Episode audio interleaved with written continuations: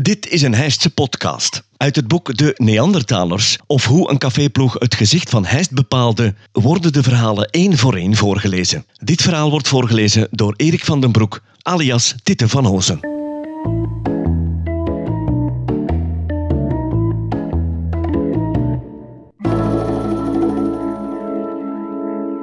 De leer van de heer uit Zomerhuizen. In die tijd huurde een stamgenoot van ons, Zwa het grote gommerbeest, een klein huisje in de afgelegen gemeente Balder. Het zou heinde en ver een berucht maar geliefd huisje worden bij vele van mijn stamgenoten.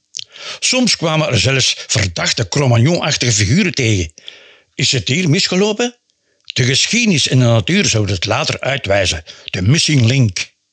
Wanneer het bronsttijd was, en die was het bij onze stam gans het jaar door, werd er massaal naar het verre en ongekende Balder getrokken.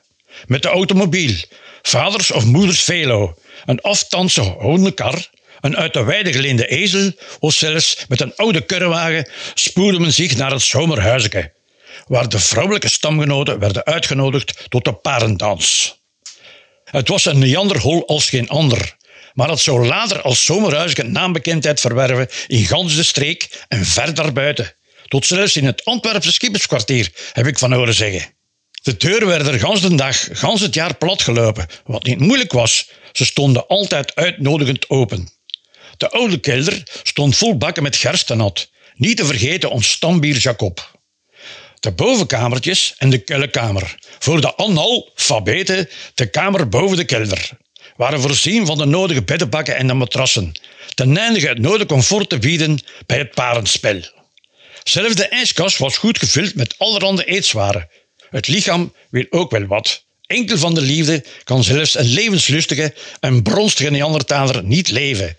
Mens sana in corpore sano. Een gezonde geest in een gezond lichaam. Cum grano salis, we nemen dit allemaal met een korreltje zout. Maar ik zeg altijd, carpe diem, pluk de dag.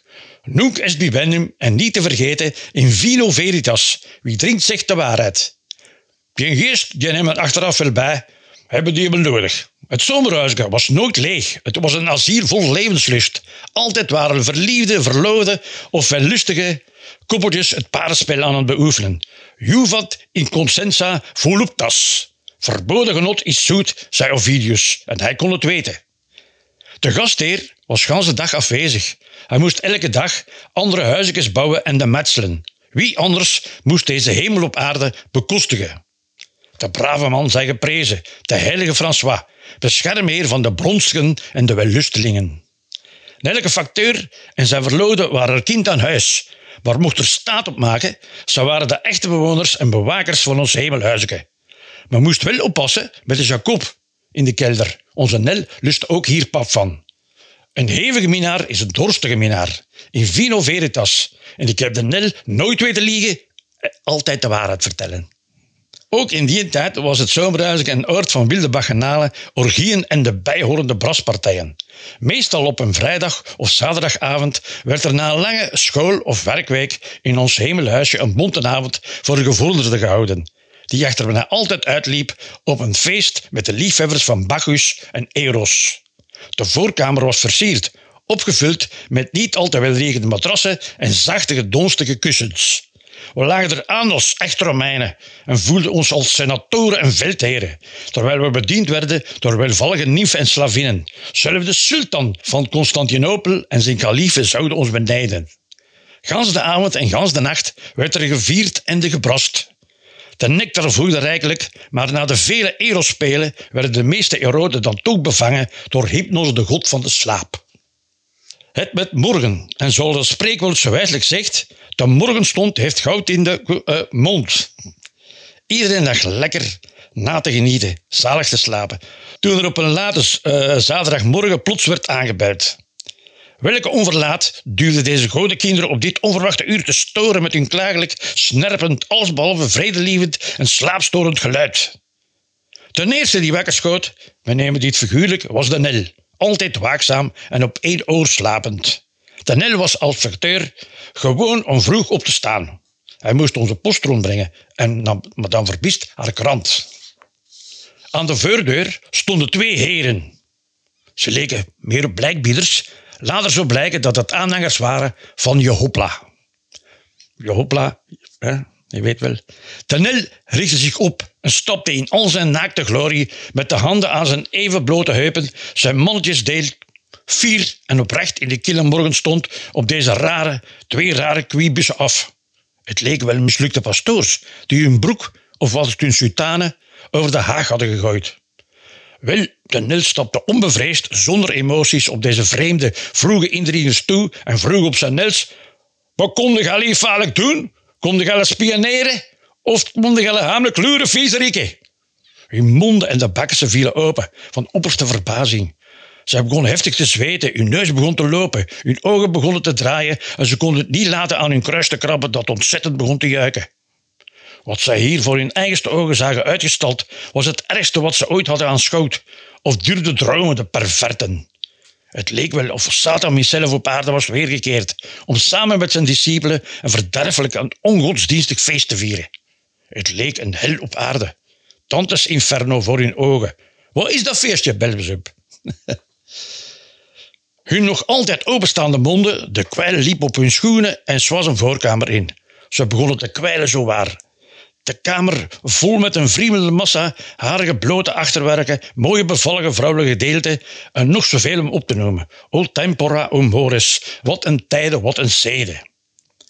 De Nel werd ongeduldig, het werd een beetje fris en zijn mandeel begon er stilletjes aan van te krimpen. Mannen, wat kon je nou doen? Wel, ik koop niks aan de dij. Enkel flesje en verse onderbroeken.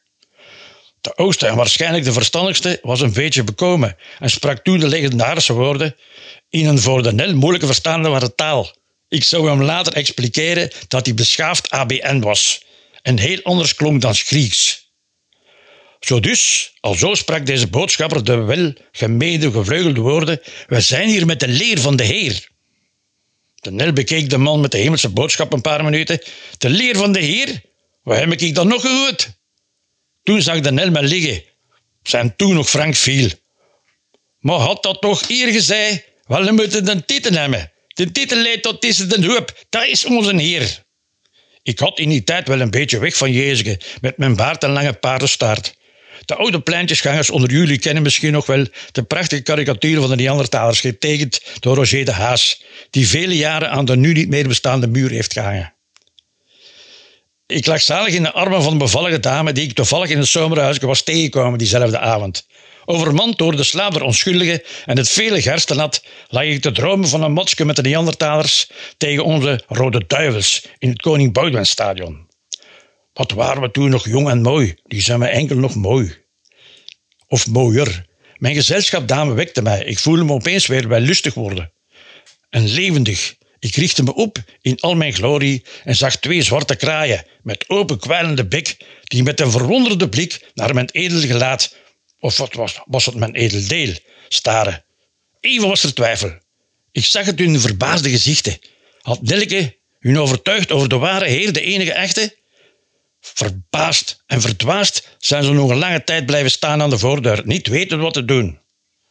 Misschien twijfelden ze aan hun geloof ik had hen ondertussen een flesje Jacob aangeboden en hem beloofd dat ik later met mijn stamgenoten mijn apostelen eens zou langskomen. Toen ze later vol onbegrip hun weg vervolgde, riep Nelke nog achterna: Zeg, die lier, zet die mot tegen de gijvel, wel zil er wel verzergen. We hebben echter nooit een leer van de Heer tegen de gevel van het zomerhuisje gevonden, niet waar? Wie moesten we nu geloven, als je zelf de Heer niet meer kunt geloven?